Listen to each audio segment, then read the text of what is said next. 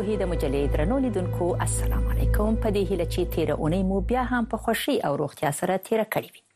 دا دی بیا هم زګلغټي پوپل د جرمني د بوند شهر څخه تاسو په خدمت کې د نن ورځې په خپرونه کې مو بیا هم د تل په شان د نړۍ له ګوټ ګوټ څخه د تخنیک، چاپیره ساتنې او هنرونو په اړه په زړه پورې مطالب راټول کړي چې یو په بل پسې ودرته وړاندې شي. د نورو ترڅنګ به ووینئ په مکسیکو سیټي کې اوبو ته د لاسرسي نوي لاري چاري په هند کې د پرانګانو د شمیر د بیرته زیاتېدو لپاره هلي ځلي او بیا به د ناروی په اوبو کې د آیرس په نوم یو لامبو وهونکی رستوران تر وپیژنو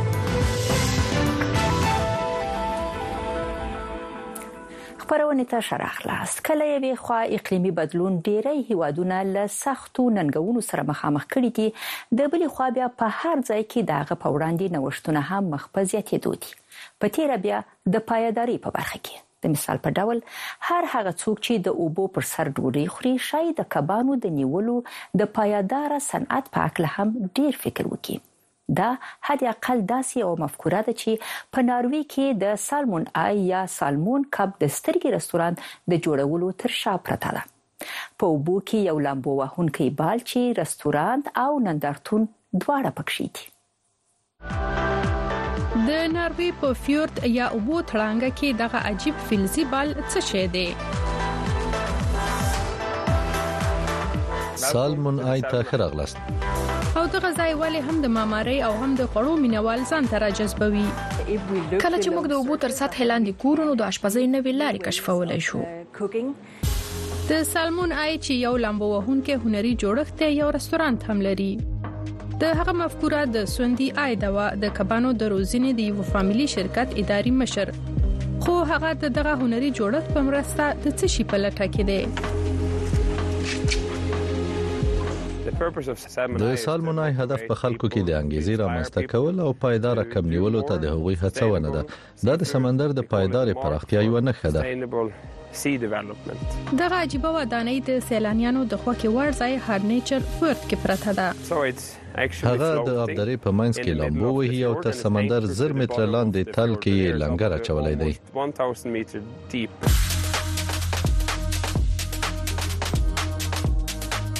د کپ سترګې ته ورته دغه ودانۍ طرحه د کورنینګ ډیزاین په نوم ډنمارکي شرکت لخوا وړاندې شوې ده هغه داسې طراحي شوې ده چې د 15 مترو لوړو څپو په وړاندې مقاومت وکولای شي چې د پاسه 9000 فولادي تختې د کبانو قشر ته ورته دي د سالمون کپ سترګې ته ورته والي کب نیولو ته له مختلف لید څخه نظر اچول څرګندوي د هغه کوروي شکل په دننه کې هم منعکس کیږي مهمه دا ده چې داخلي او بهرنۍ برخې ته ارتباط ورکړل شي کله چې داسې منحني شکل ودانۍ ولرو بیا نو مهمه ده چې ټول عناصر هغه ته دننه شي دلته تقریبا هیڅ مستقیم خط نشته د اوبو تر سطح 3 متره لاندې د یو نندارتون محوطه ده دلته مهمه موضوع دا ده چې څنګه کې د شي په نړیواله توګه د خوراکي موادو صنعت پایدار کړی شي او په هغه کې د اوبو د ژوو د ساتلو کلچر کوم نقش ولوبوي یو داسې موضوع چې د آیرس د رستوران د غذا مینیو چې د 2023م کال په جون کې پرانستل شوې ده هم ده د دې لپاره چې معلومه شي څوک دغه اشپزۍ د مسودې شاته پټ دی نو د سلیس وای توای نشته ټاپو ته ورزو د رستورانت سراشپزه انیکا ماتسن له دغه ځای هر ورځ په یوې کښتۍ کې کار ته ځي کله چې هغه لا په مشهورو رستورانتونو کې کار کاوه د پایدار اشپزي مفکوره خوخیدله د کبانو یو داسې رستورانت چې یوازې د اوبو لار ورغلې ده، د هغې لپاره مناسب و.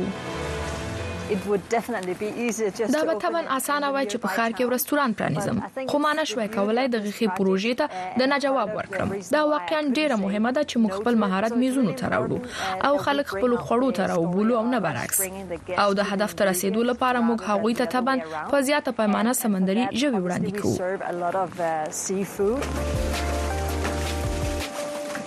د دغه رستوران لپاره غذایی مواد مستقیما له شاوخوا سمندر او وچې څخه راځي هغه مواد چې انیکا ورڅخه اتلس ډوله خواړه جوړوي یو له هغو غذاو څخه چې دوامدار مفکوره تجسم کوي د 1500 متر په نوم ده د خوړو هر جز یې لکه صدف لرونکي لوښي، وحشي بوټي، چنګاښ او سمندري جلبلک د اوبو له شاوخوا 1500 مترو ژورو څخه راځي. انیکا هیله لري چې خلک هغو منابعو ته چې په سیمه کې د هغوی په اختیار کې دي د هغې په څیر ارزښت ورکړي.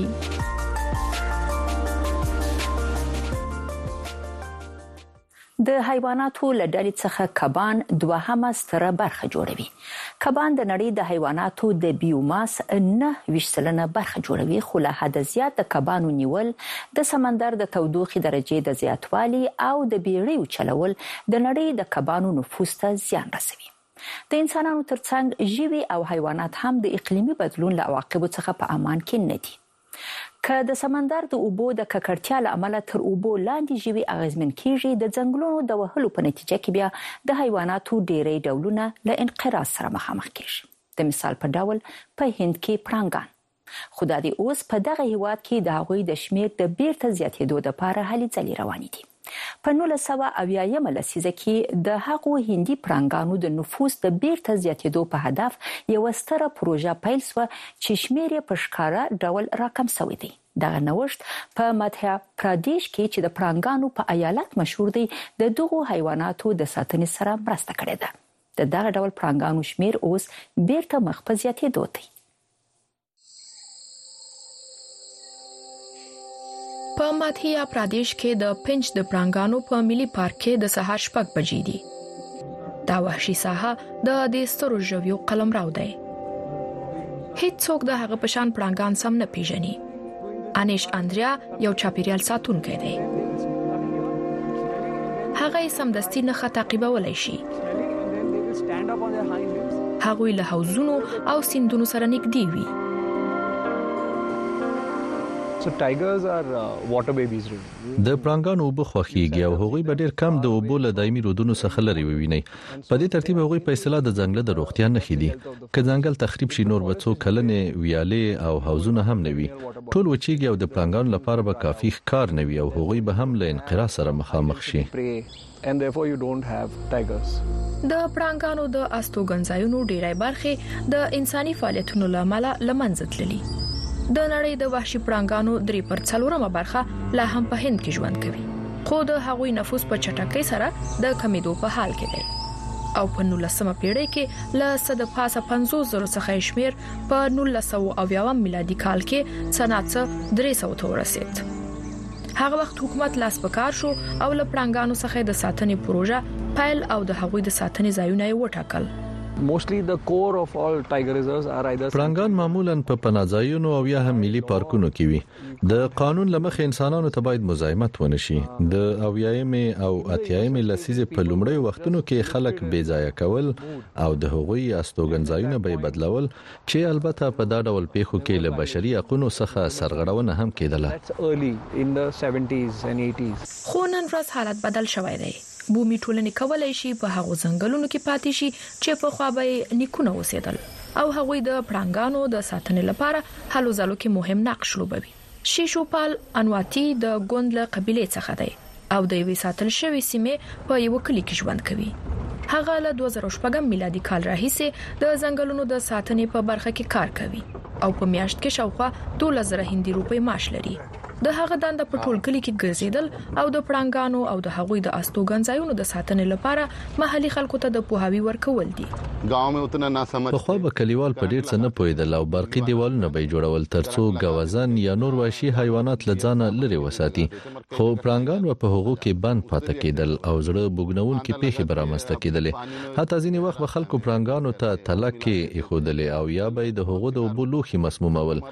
ځینو به د پړانګانو ښکار کاوه خو له هغه وخت راهیسې چې زه دلته کار کوم دغه ډول پیښې کمې شوي زه هر ورځ په ځنګل کې ګرځم او د پړانګانو د شمیر په زیاتېدو شاهد یم سیمه ایزې ټولنې تل په ځنګلونو او په هغه کې په موجودو سرچینو پورې تړلې دي او له دغه څخه د هغوی ممانعت د هغوی د معاش د قطع کېدو په معنا ده د هند د پړانګانو د استوګنې یو پر درېمه مهم دهلیزونه د دغه ایالت په اوګدو کې غځېدلي دي دغه پروژه شاوخوا پنځوس کاله مخکې همدلته رامنځته شوه او په برکت یې اوس په هند کې د پړانګانو شمېر څه د پاسه درې زرو ته رسېږي. تر ټولو زیات افریقایي هېوادونه د اقلیمي بدلون په نتیجه کې رامنځته شوو عواقبو د اغېزو څخه ځورېږي. د نورو تر څنګ پرله پسې سختو وچکالیو د نوموړې وچې ډېری اوسېدونکي له لوږې، بېکارۍ او فقر سره مخامخ کړي دي. له همدې کبله ډېری ځوانان یې هڅه کوي پر غیر قانوني او خطرناکو لارو ځانونه اروپا ته راورسوي چې ډېری یې حتی خپل ژوند هم له لاسه ورکوي. خو پر دا ټولو ستونزو سربېره بیا هم ځینې داسې کسان پیدا کېږي چې د چاپېریالي ستونزو په له منځه وړلو کې خپلو هلو ځلو ته ادامه ورکوي. یو له هغو څخه له یوګاندا څخه د ادوارد موکیبي په نوم بزګر دی چې غواړي حتی نړۍ ته تغیر ورکړي. هغه داسې یو ځوان دی چې د نړۍ د خوړو د یوې ډېرې نفوذ لرونکې غیر دولتي مؤسسې په اصطلاح جلو په لاس کې لري. په دغه رپوټ کې به د نوموړي له فعالیتونو سره له نږدو آشنا شو. د اوګاندا ادوارد موکیبي یو ستر ماموریت پر مخ وړي او غواړي چې د ښې تغذیه د ودې لارې نړۍ په یو ښه ځای بدل کړي. Hi, I'm Edward سلام زه ادوارد موکیبی د سلو فود انټرنیشنل مشر یم زه یو اوګانډایی بزګر یم زما هدف د دې تضمین کول دي چې د ځمکې د کره هر یو انسان خو او پاکو خوړو ته په منصفانه ډول لاس رسای ولري او خوند ترې واخلي ادوارد موکیبی لا یوازې شپږ دیرش کلن دی خو د سلو فود سازمان په راس کې قرار لري دا سازمان د کلونو په اوګدو کې تر یو سلو شپېتو هوادونو غزې تلې دی اتوارد په کال کې څو ځله د برا هرنونکو خار ته ځي هغه ځای چې د دغور زنګ پکې پیل شوی وو یوګاندا د یو افریقایي وګړي په توګه زما لپاره سلو یا قرار فوټ د خلکو یو داسې غورځنګ دی چې د خوړو په برخه کې د خپلواک کېدو په موخه د سیمې له خلکو سره مرسته او کار کوي موږ له ځوانانو بزګرانو او بومي اوسیدونکو سره په دې برخه کې کار کوو د ختیځې افریقا د اوګاندا هیواد د کیوبیکا ښار د ادوارد ټاټوبه دی نو موري په ځوان عمر کې په پټیو کې کار پیل کړو په دې نه پوهید چې یو ورځ په پایدار کرنه داغه ژوند دندوي په ښوونځي کې د جریمې په توګه دې قانع ته مجبور شوی وم، خو دا جزا د ټول عمر په اشتیاق او تغییر د رامنځته کولو په محرکه قوه باندې بدله شوه. په اوګانډا کې د سلو فوډ پدیده دوه زره شپږم کال ته ورګرځي. د بزګری نوویل نایونینجا پټه د کیبوګا د سلو فود د ډلې لپاره یو ماډل دی چې د کرهنې د نوو تخنیکونو او تیرو وختونو د ویاړ وړ دودونو یو ترکیب وړاندې کوي Uh, uh, موږ په خپل باغونو کې له غذایی تنوع څخه هرکلی کوو موږ دا هم ډاډمنو چې د خپل هغو بوټو د ساتنې هڅه وکړو چې د لمنځه تللو ګواښ سره مخامخ دي ځکه چې هغوی زموږ غذایي امنیت تامینوي. ډېری نباتات، پخوانۍ لارې چارې او د خوړو کلتورونه له منځه تلو خطر سره مخامخ دي. د سلو فوډ شبکه یې هره ورځ د محافظت لپاره هلې ځلې کوي. د پروسو له لارې ټولنې کولای شي د انقراض له خطر سره مخامخ محصولات وپېژني او ساتنه ترې وکړي. ستنګ شل. سلو فود تر دیرشو زرو ډیر غړي لري او په ډیرو سیمو کې فعالیت کوي دا ټولنه څو څنګه لري چې په هغه کې د سلو فود باغونه د سلو فود د ځوانانو شبکه د سیمایزو محصولات بازارونه او په اصطلاح د اشپزانو ټولنه شامل دي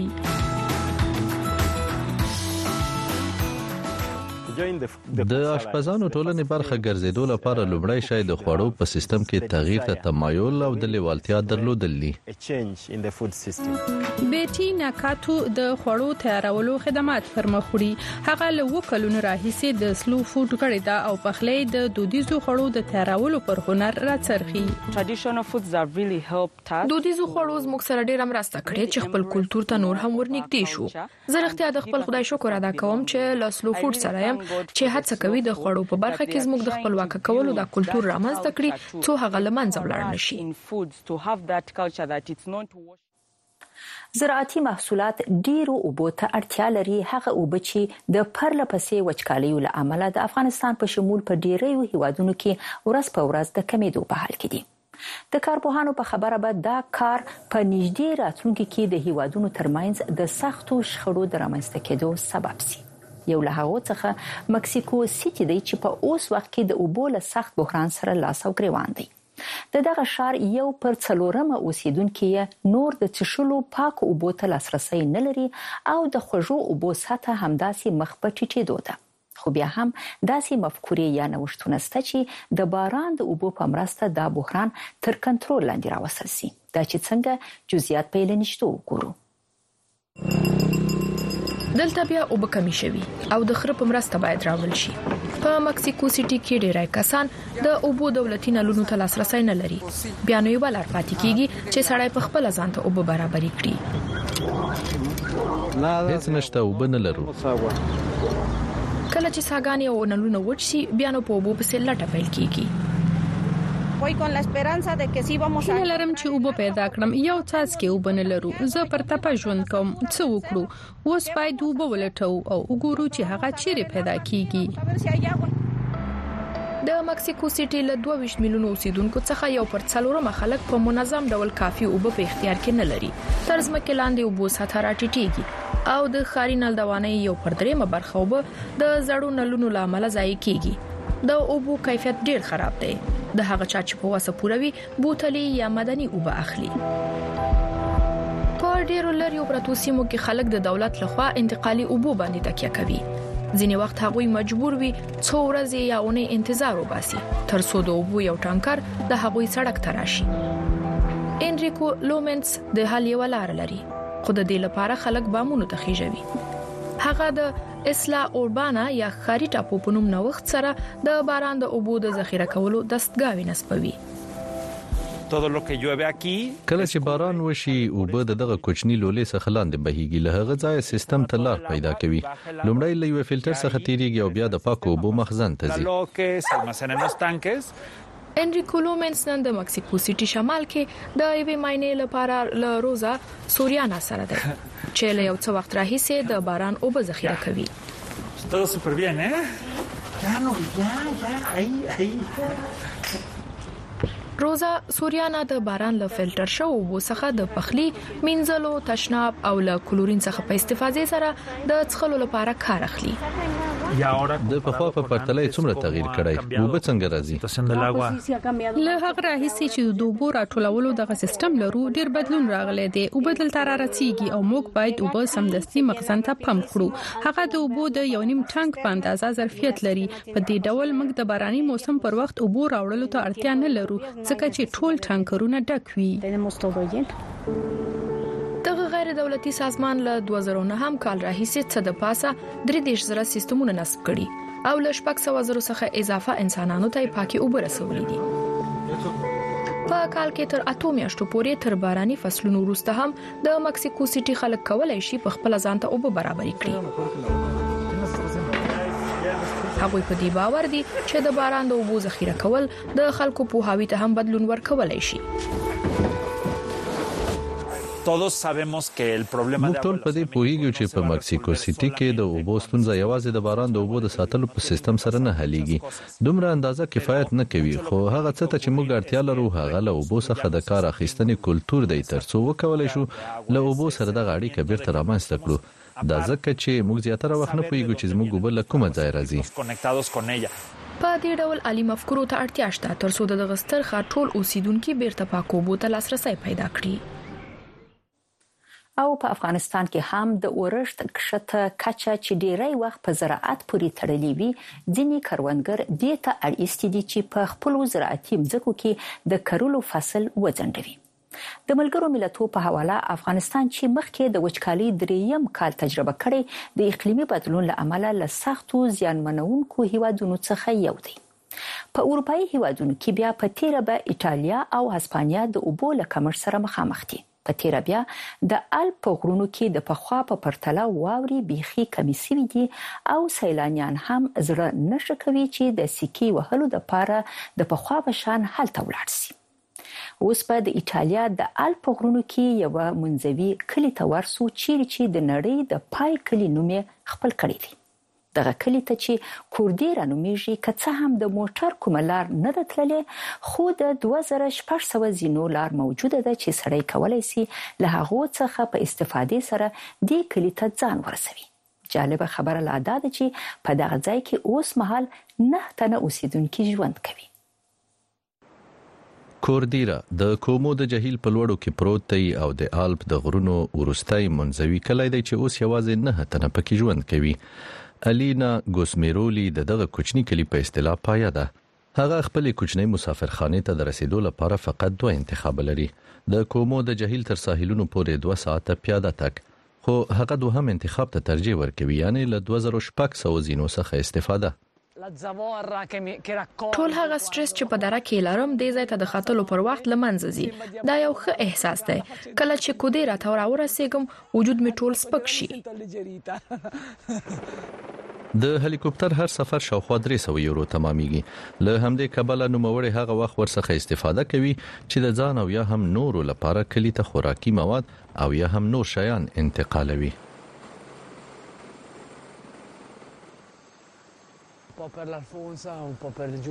زه د الفونسا او جولیانو او ټولو لپاره یو څه راوړم، خوراکي توکي، ډوډۍ، ساسج او داسې نور.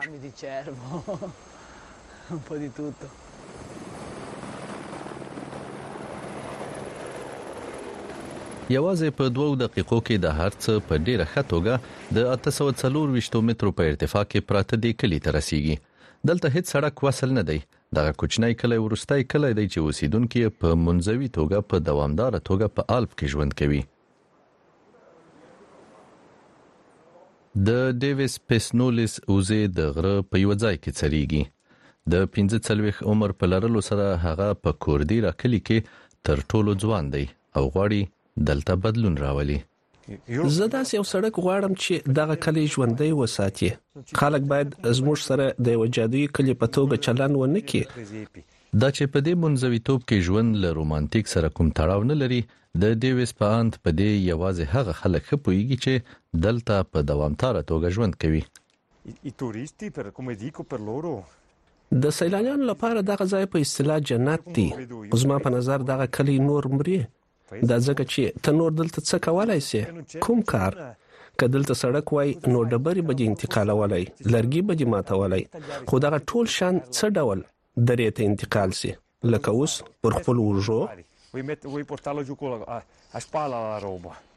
خو بیا هم دیویس غواړي له خپلو وزو سره دلته ژوند ته ادامه ورکړي. د هغه غرونه خوښیږي.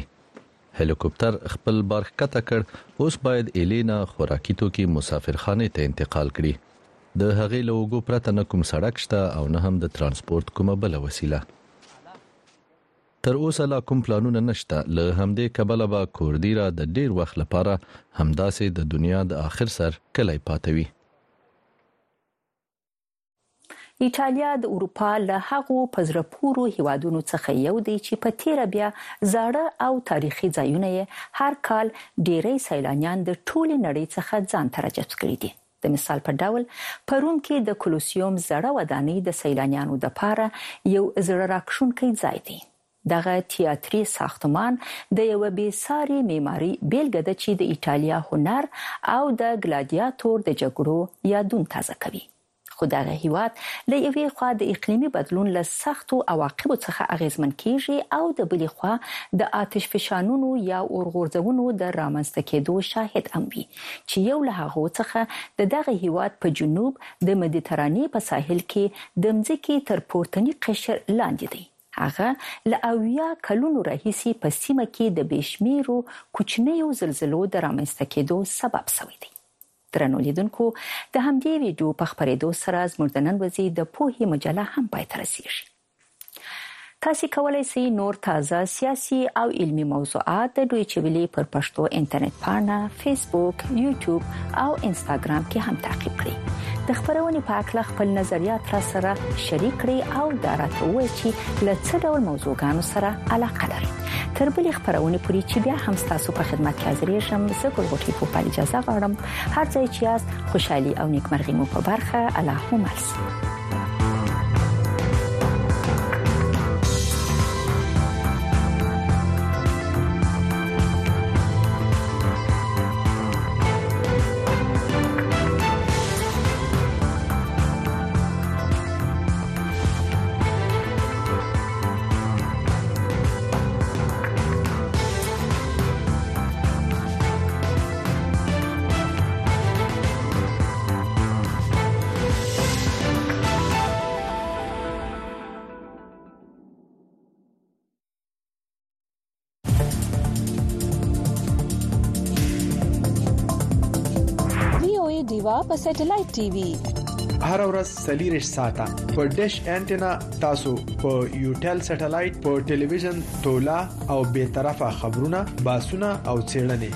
کتلې او اوریدل شي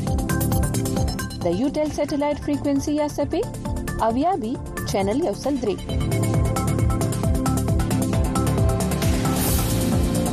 هر ورځ سلیریش ساته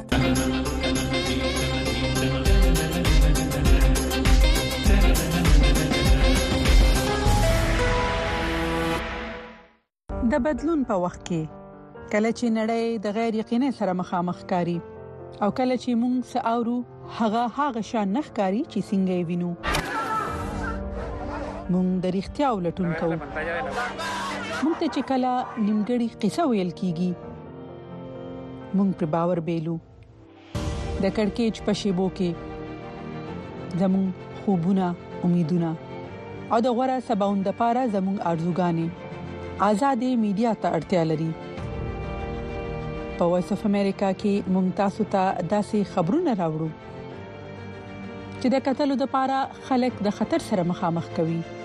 مونږ نړۍ سره یو ځای کوو او اړتیا سره پیوست کوو په وایس اف امریکا کې مونږ تاسو ته پوره عکس درخایو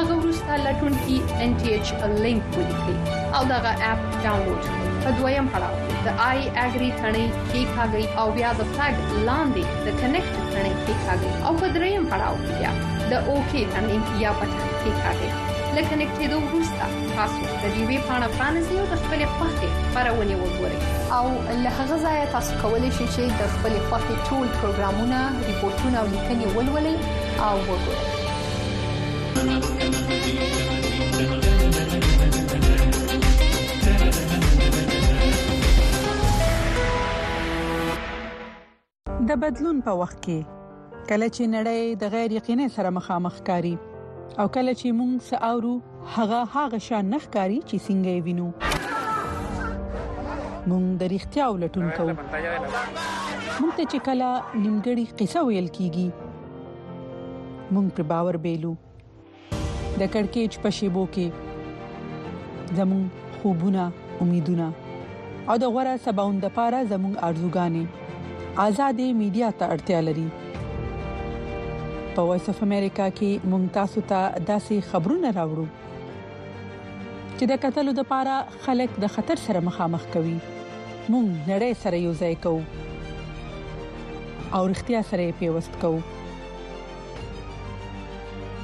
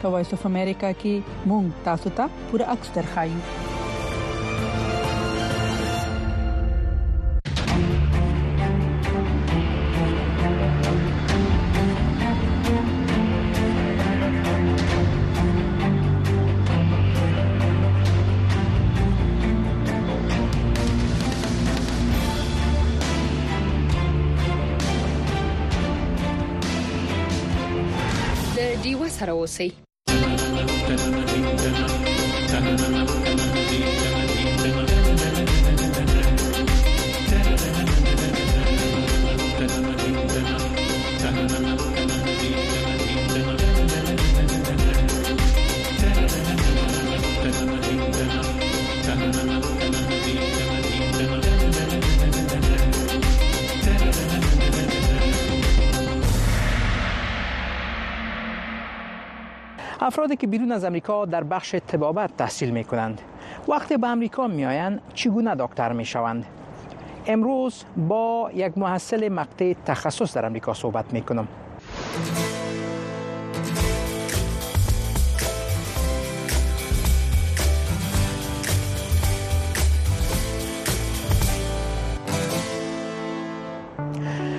عزیز سلام آرزو دارم صد سلامت باشین ما داود صدیقی هستم و شما برنامه زندگی در امریکا را مشاهده میکنین یه هفته با یک هموطن ما صحبت میکنم که در بخش تبابت در پاکستان تحصیل کرده و سپس برای گرفتن تخصص در بخش طب داخله به امریکا آمده و حال در یکی از شفاخانه های ایالت مریلند امریکا در مقطع تخصص تحصیل میکنه امروز میخوایم بدانم که تحصیل در بخش طبابت در امریکا چگونه است و به ویژه افرادی که بیرون از امریکا تحصیل کنند وقتی به امریکا آیند چگونه میتونن اینجا دکتر شوند امید است که این برنامه هم مورد توجه شما قرار بگیره این شفاخانه گریتر بالتیمور میدیکل سنتر نام دارد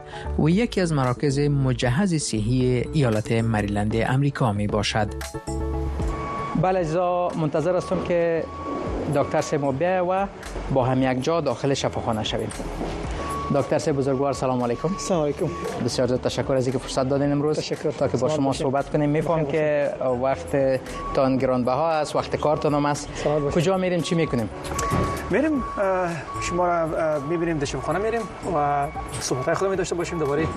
اینکه چطور من اینجا آمدم و کدام فرصت های است که کسی باید بره بیا اینکه داخل بریم می هفته بقدر تیز است اگر چیز زمستان از خوش میخوره بله. و خب، برای کار تلویزیون هفته بسیار تیز و خوب نیست بیا اینکه داخل بریم بفرمایید بفرمایید خب خب دکتر صاحب چه مدت میشه به امریکا آمدین ما این سال سوم است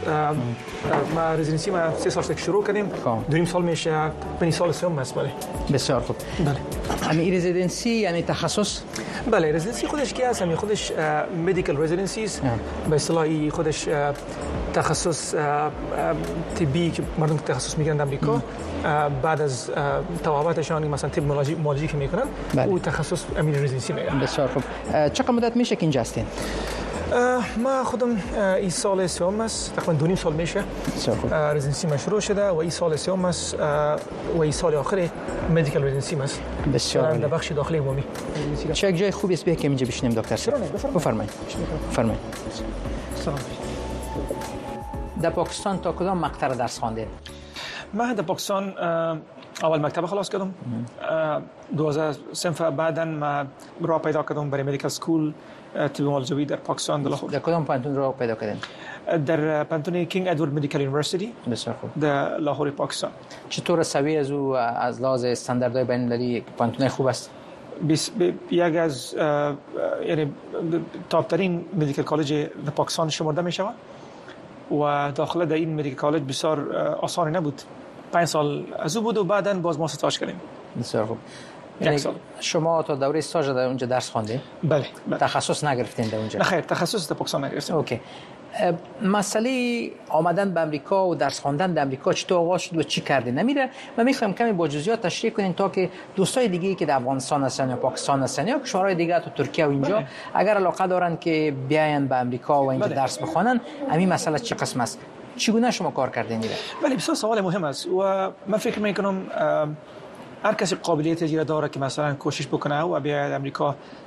تواوت را پیش ببره خاصتا در مسئله تخصص اکثر مردم چی میکنن اونا مدیکل کالج میخوانن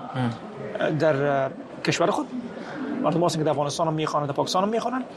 پنج سال که خلاص کردن یا 6 سال که خلاص کردن بعد از او باز امتحان میتن امتحان یو اس ملی میگه برش بله امتحان یو اس ملی به اصطلاح یونایتد استیت مدیکال لایسنسینگ اگزام است این یک امتحان است که شما را الیجیبل میکنه که شما در امریکا بین و تخصص را بگیرید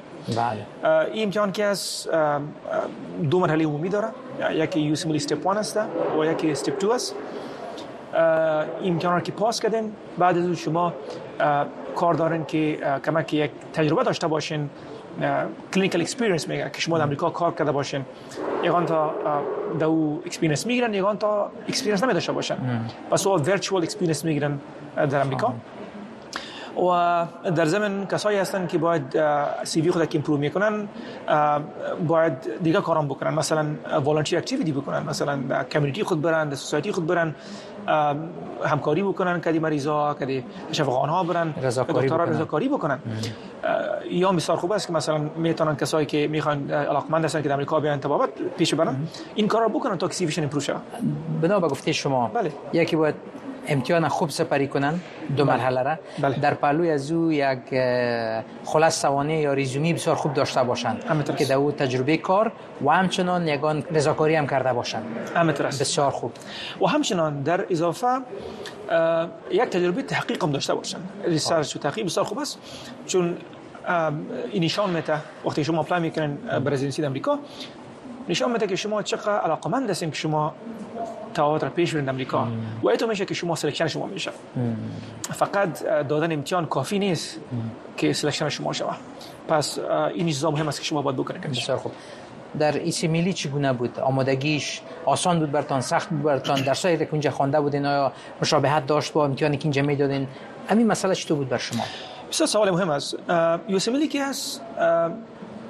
این نیاز داره که شما بسیار درس پش بخونین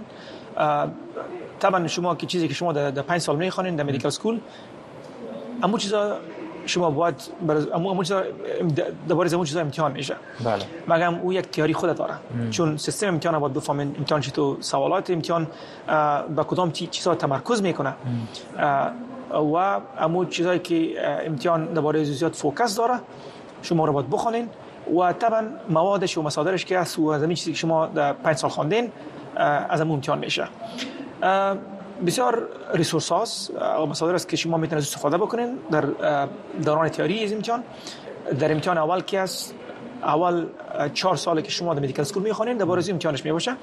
بله و امتحان دوم که است او سال پنجم دوارز امتحانش می باشه دیگه سال اول که است تقریبا تیاریش فرق میکنه از کس یکان تا اش ماه نو ماه یکان تا یک سال میگیرن یک نیم سال میگیرن برای امتحان اول ایسی ملی بله برای امتحان اول ایسی ملی بسیار امتحان اساسی است چون چیزی که شما در چهار سال خواندین دوباره امتحان میشه باید شما تیاری خوب داشته باشین نه تنها امتحان را پاس بکنین بلکه نمبر خوب باید بگیرین چون بسیار کمپیتیشن زیاد است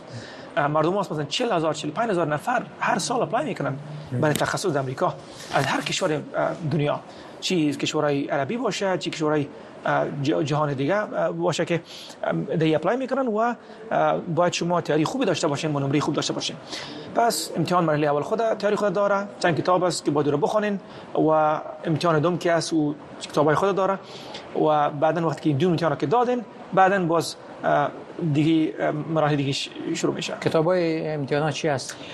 کتاب امتحانا کی هست؟ دهی ده دو چیز اکثر تمرکز میکنه یکی به نام یو ورلد میگه اکثر یک سورس بسیار مهم است که دکترای ما که در افغانستان هستند و پاکستان هستند او را میتونن استفاده بکنن در یکی از سوالات و جوابای خود داره در او و اکسپلنیشن اکسپلنیشن خود هم داره به اصطلاح در او نوشته باشه که مثلا این مریض آمد این مشکلات چی است کدام گزینه از این به اصطلاح درست است او را که شما حل میکنین بعد از او باز اکسپلینیشنش می باشه باز او را شما درس میخوانین و او را میخوانین به اصطلاح یک سورس درس شما می باشه یو اول بسیار مهم است و سورس دوم است به نام فرست اید میگه فرست اید یک کتاب است دو تقریبا یک 700 صفحه داره مربوط امو 4 سال که شما در تکسول خواندین کلش در یک کتاب جمع شده پس ادوایز من است که شما اول فرست اید خلاص کنین و که خلاص کردین بعد از شما در یوورلد برین که به اصطلاح آنلاین این سوال است که شما از اون میتونین که استفاده بکنین و بتونین که شما پیش برین و بفهمین که چی سوالات خمی می آیا و چه خمی جوابش است امتحان ایرچی ملی تحریری است چهار جواب است چی رقمی است بله امتحان های یوسف ملکی است آنلاین است چهار جواب است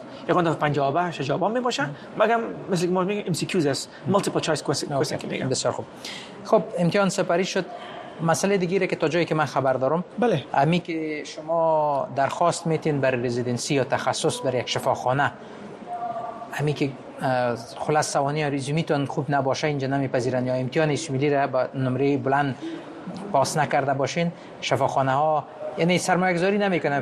تو فکر بله. میکنه که شاید یک دکتر خوب نشه یاد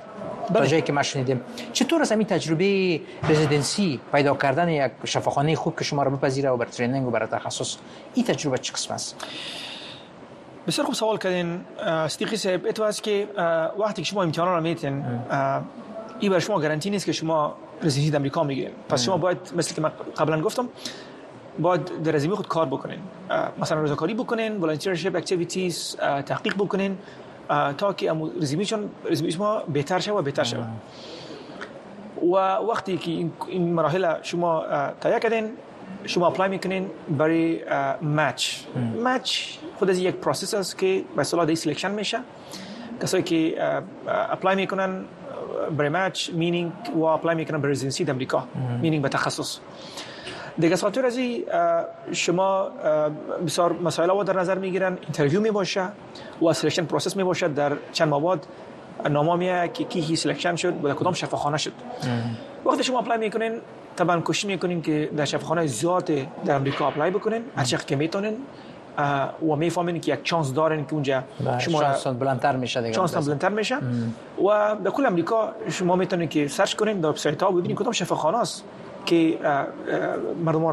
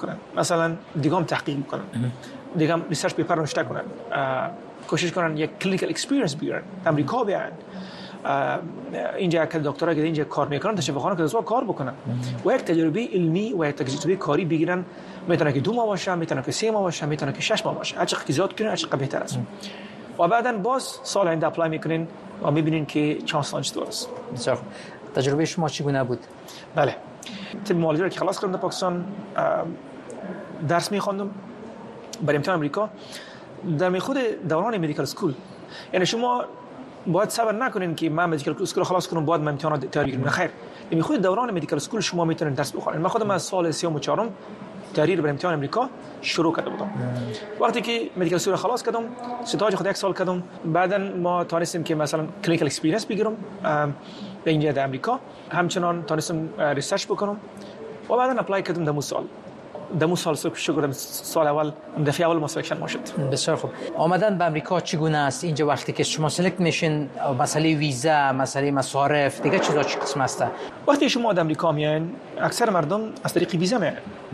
اینجا ویزا که شما گرفتن وقتی سلکشن شما شد شما به ویزا اپلای میکنین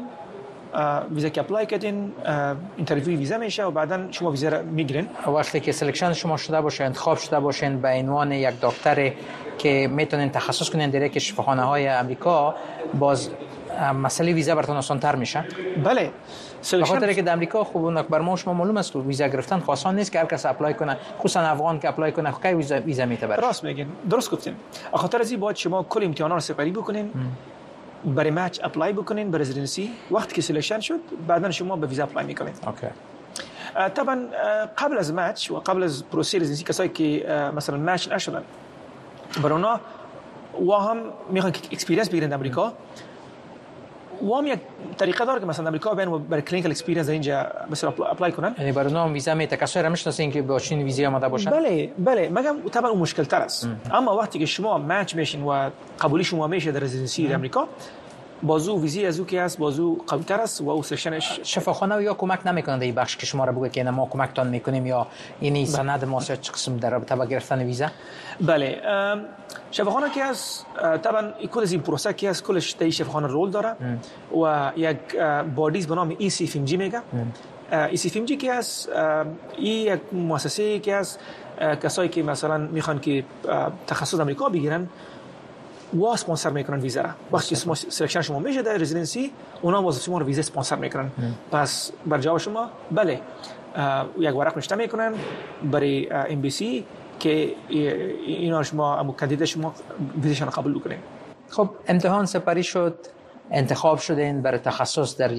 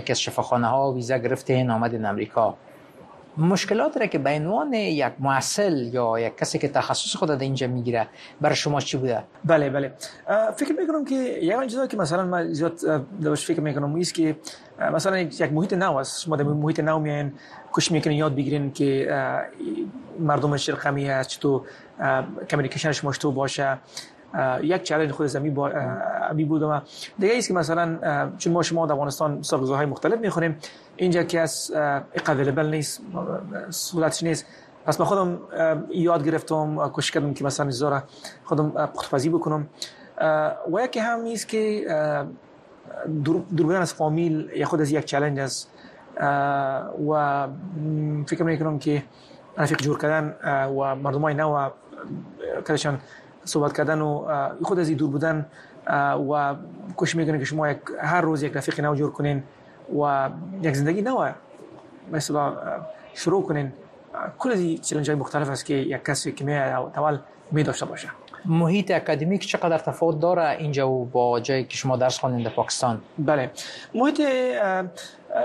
اکادمیکی فرق میکنه مثلا در پاکستان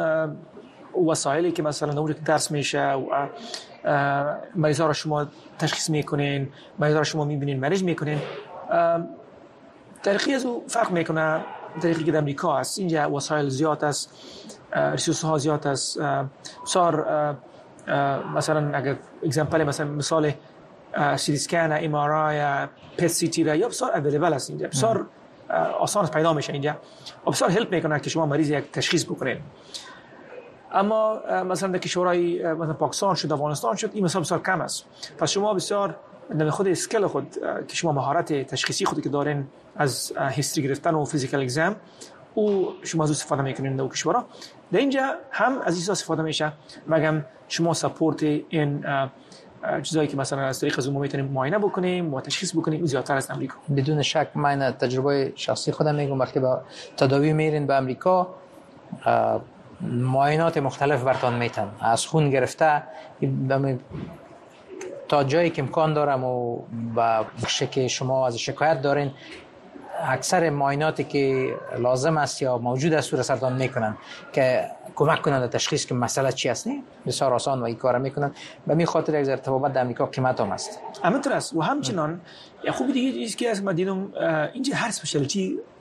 موجود است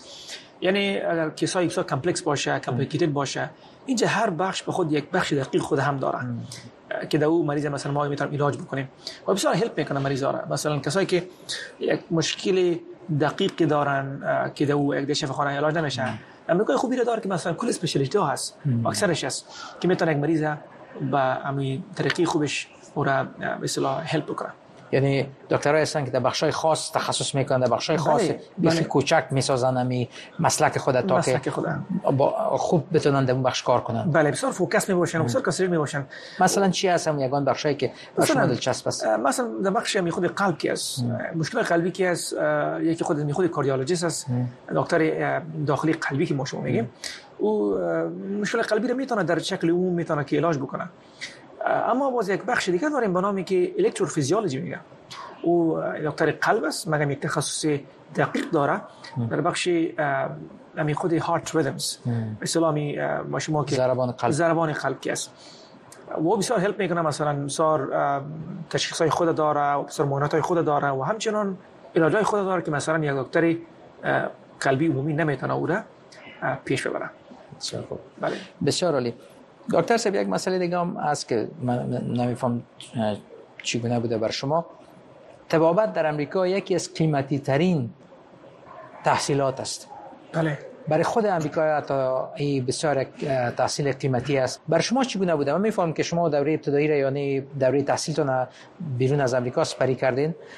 اما در امریکا در این مرحله شما پول میتین بله. چگونه است همین مصارف از چی قسم است بله مصارف در شکل عموم طبعات قسم شما گفتیم بسیار اکسپنسیو است حتی کسایی که مثلا در اینجا تخصص میگیرن اونا باید مدیکال سکول خلاص بکنن در امریکا چهار سال از اینجا و بعدا میتونن که در رزیدنسی داخل شوند میان در بخش تخصص داخل شوند و همچنین اکثر کسایی که هستن در مدیکال سکول در بخش امتیازی خود قبل از تخصص بسیاری پول گذاف است و بسیار اکسپنسیو است و اکثرشان که هستن پیسه میتن پول میتن که میدل سکول خلاص کنن بله بیایم که واضح واضح صحبت کنیم میدل سکول اگر یا طبابت کسی که از ابتدا در امریکا بخونه تا قبل از اینکه آماده بشه برای یوسی میلی چقدر مصرف نه حد اقل به طور اوسط بله خو این فرق میکنه از, از کالج با کالج و یونیورسیتی و همچنان کدام دیگری ها شما قبلا گرفتین مثلا مردم هستن که مثلا 700 هزار دلار یا نیم میلیون دلار تا یک میلیون دلار هم میتونن پیش برن تا که مدیکال سکول خدا خلاص بکنن مسئله و... رزیدنسی چطور است باز باز رزیدنسی که از خود شفاخانه و شما ماش میده خودتان پیسه نمیتین هر ماه شما هر, هر, هر ماه شما پیسه میگیرین و او به اصطلاح ما شما میباشه به نحوی شما کارمند شفاخانه میشین اما به عنوان یک کسی که اینجا اونجا ترین میشین تمرین بله. میکنین نه بله یه خوبی همیست که نه. شما میتونین که تخصص بکنین و در زمین ما شما کارمند شفاخانه باشین باز در این مرحله ماش که شما میگیرین با یک دکتری که کار خود خلاص کرده تفاوت داره بله تفاوتی کلان داره چون شما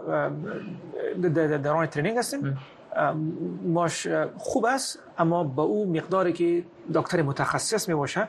اونقدر نیست بله در امریکا در کل تبابت بسیار زیاد قیمت است دلیل شما در چی میبینین حالا اقل دو نیم سال در یک شفاخانه اینجا کار کرده بله فکر میکنم یکی از فکتور فکتور اساسی که میباشه بر قیمت بودن تبابت و است که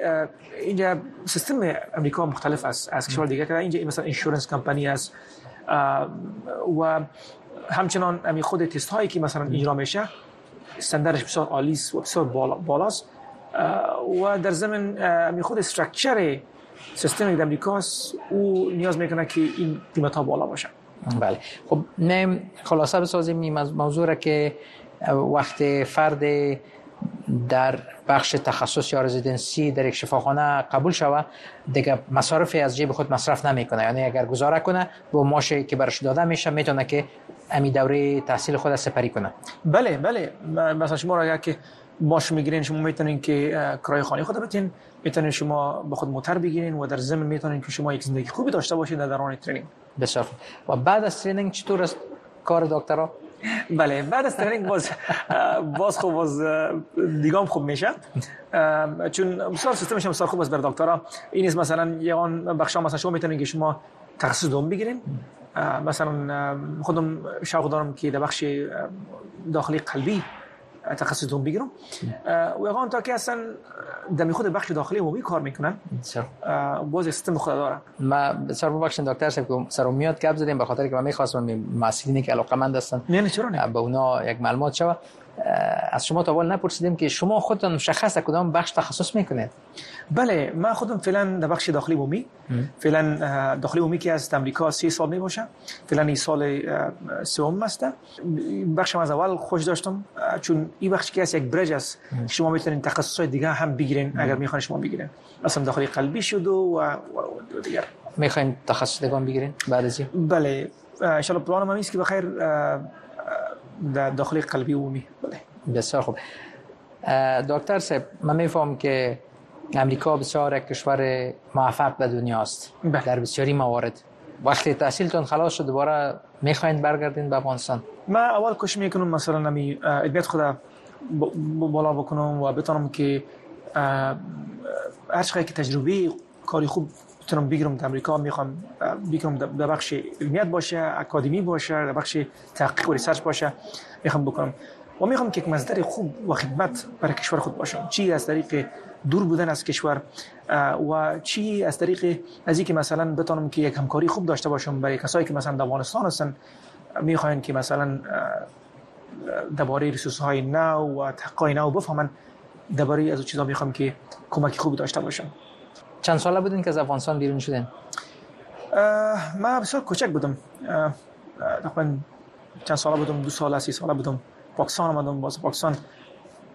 همونجا پیش براتون در افغانستان در کجا زندگی میکردین؟ در در خود کابل بودیم بسیار خوب بعد بله، کابل بودیم در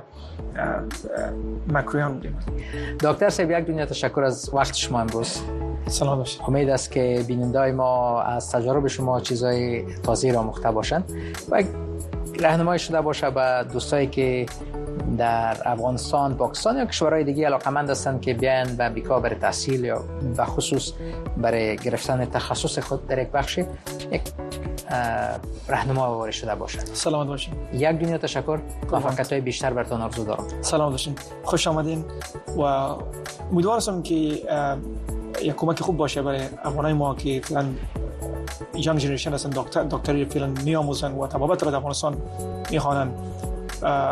که بفهمن که کدام مراحل است که اینا باید سپری بکنن که بتونن به امریکا بیان و تخصص پیش برن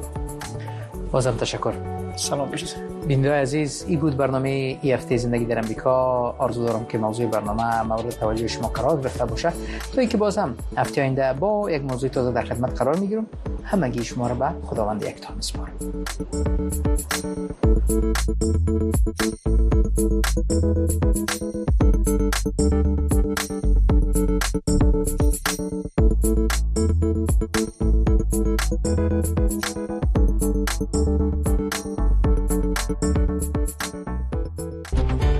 دسترسی کاربران اینترنت را در افغانستان و وبسایت های دری و پشتوی صدای آمریکا مسدود و فیلتر کردند اما خوانندگان وبسایت های صدای آمریکا می با نصب فیلتر شکن های سایفن و NTH لینک در تلفن ها یا دیگر وسیله هوشمند همراهشان به اینترنت بدون سانسور و وبسایت های ما دسترسی یابند این فیلتر ها رایگان و مسئول بوده و محرمیت فردی کاربر در آن کاملا محفوظ است برای نصب فیلتر شکن سایفن اگر آیفون دارید به اپل استور و اگر اندروید دارید به گوگل پلی رفته و آن را در وسیله هوشمند دستتان نصب کنید پس از نصب اپلیکیشن را باز کنید زبان مورد نظرتون را انتخاب کرده و در صفحه بعدی کلید موافق یا اکسپت را کلیک کنید پس از تنظیمات اطلاعیه های سایفر نظر به خواست خودتان شما به اینترنت بدون سانسور وصل شده و میتوانید وبسایت های دری و پشوی صدای آمریکا را جستجو و باز کنید همچنین برای نصب کردن اپلیکیشن NTH لینک اگر آیفون دارید و پلی استور و اگر اندروید دارید با گوگل پلی رفته و این اپلیکیشن را در وسیله هوشمندتان نصب کنید پس از نصب اپلیکیشن را باز کنید کلید موافقم یا آی را کلیک کنید در صفحه بعدی کلید اتصال یا کانکت را فشار داده و سپس کلید اوکی را فشار دهید سپس پس در براوزر صفحه بعدی وبسایت های دری یا پشتوی صدای آمریکا را باز کنید پس از نصب این اپلیکیشن ها شما به تنظیمات دیگر نیاز نداشته و دسترسی نامحدود و بدون سانسور به اینترنت خواهید داشت در عصر و زمان تغییر که جهان نامطمئن به نظر می رسد و آنچه می شنویم منعکس کننده آنچه می بینیم نیست ما به دنبال حقیقت می برایم. وقتی تنها بخشی از حقیقت و آنچه اتفاق افتاده به ما گفته می شود اعتماد از بین می رود رویاها آرزوها و خواهشات من برای یک فردای بهتر و مطبوعات آزاد بستگی دارد در صدای امریکا ما روایتگر گزارش هایی هستیم که مردم برای دیدن آن خطر را متقبل می شوند ما در صدای امریکا جهان را با حقیقت به هم نزدیک و متحد می سازیم. ما تصویر کامل حقیقت و آنچه را که اتفاق افتاده به شما بازگو می کنیم. د دوه غونډه د طالبانو له ګډون پرته تر سره شو ستاسو په نظر دا د طالبانو حضور څه ګټه یا زیان درلود که په دې غونډه کې وي د دوه په غونډه کې د طالبانو ګډون او نه ګډون زما په اند دواړه یو نتایج به درلوده دوه تړون د زلمی خلیلزاد په مخ یو قوي او یو درانه څپېړه و هغه زلمی خلیلزاد چې د طالبانو لپاره لابیګری کاوه او هغه به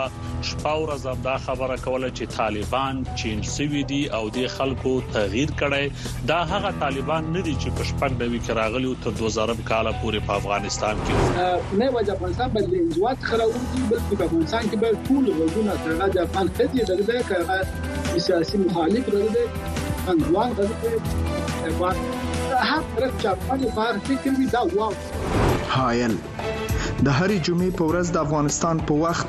د ماخام ونیمونه تر اته بجو پورې د امریکا غږ د سټلایټ لاري په ژوندۍ بڼه هایل د امریکا غږ د روانو چارو ټلویزیونی خبرونه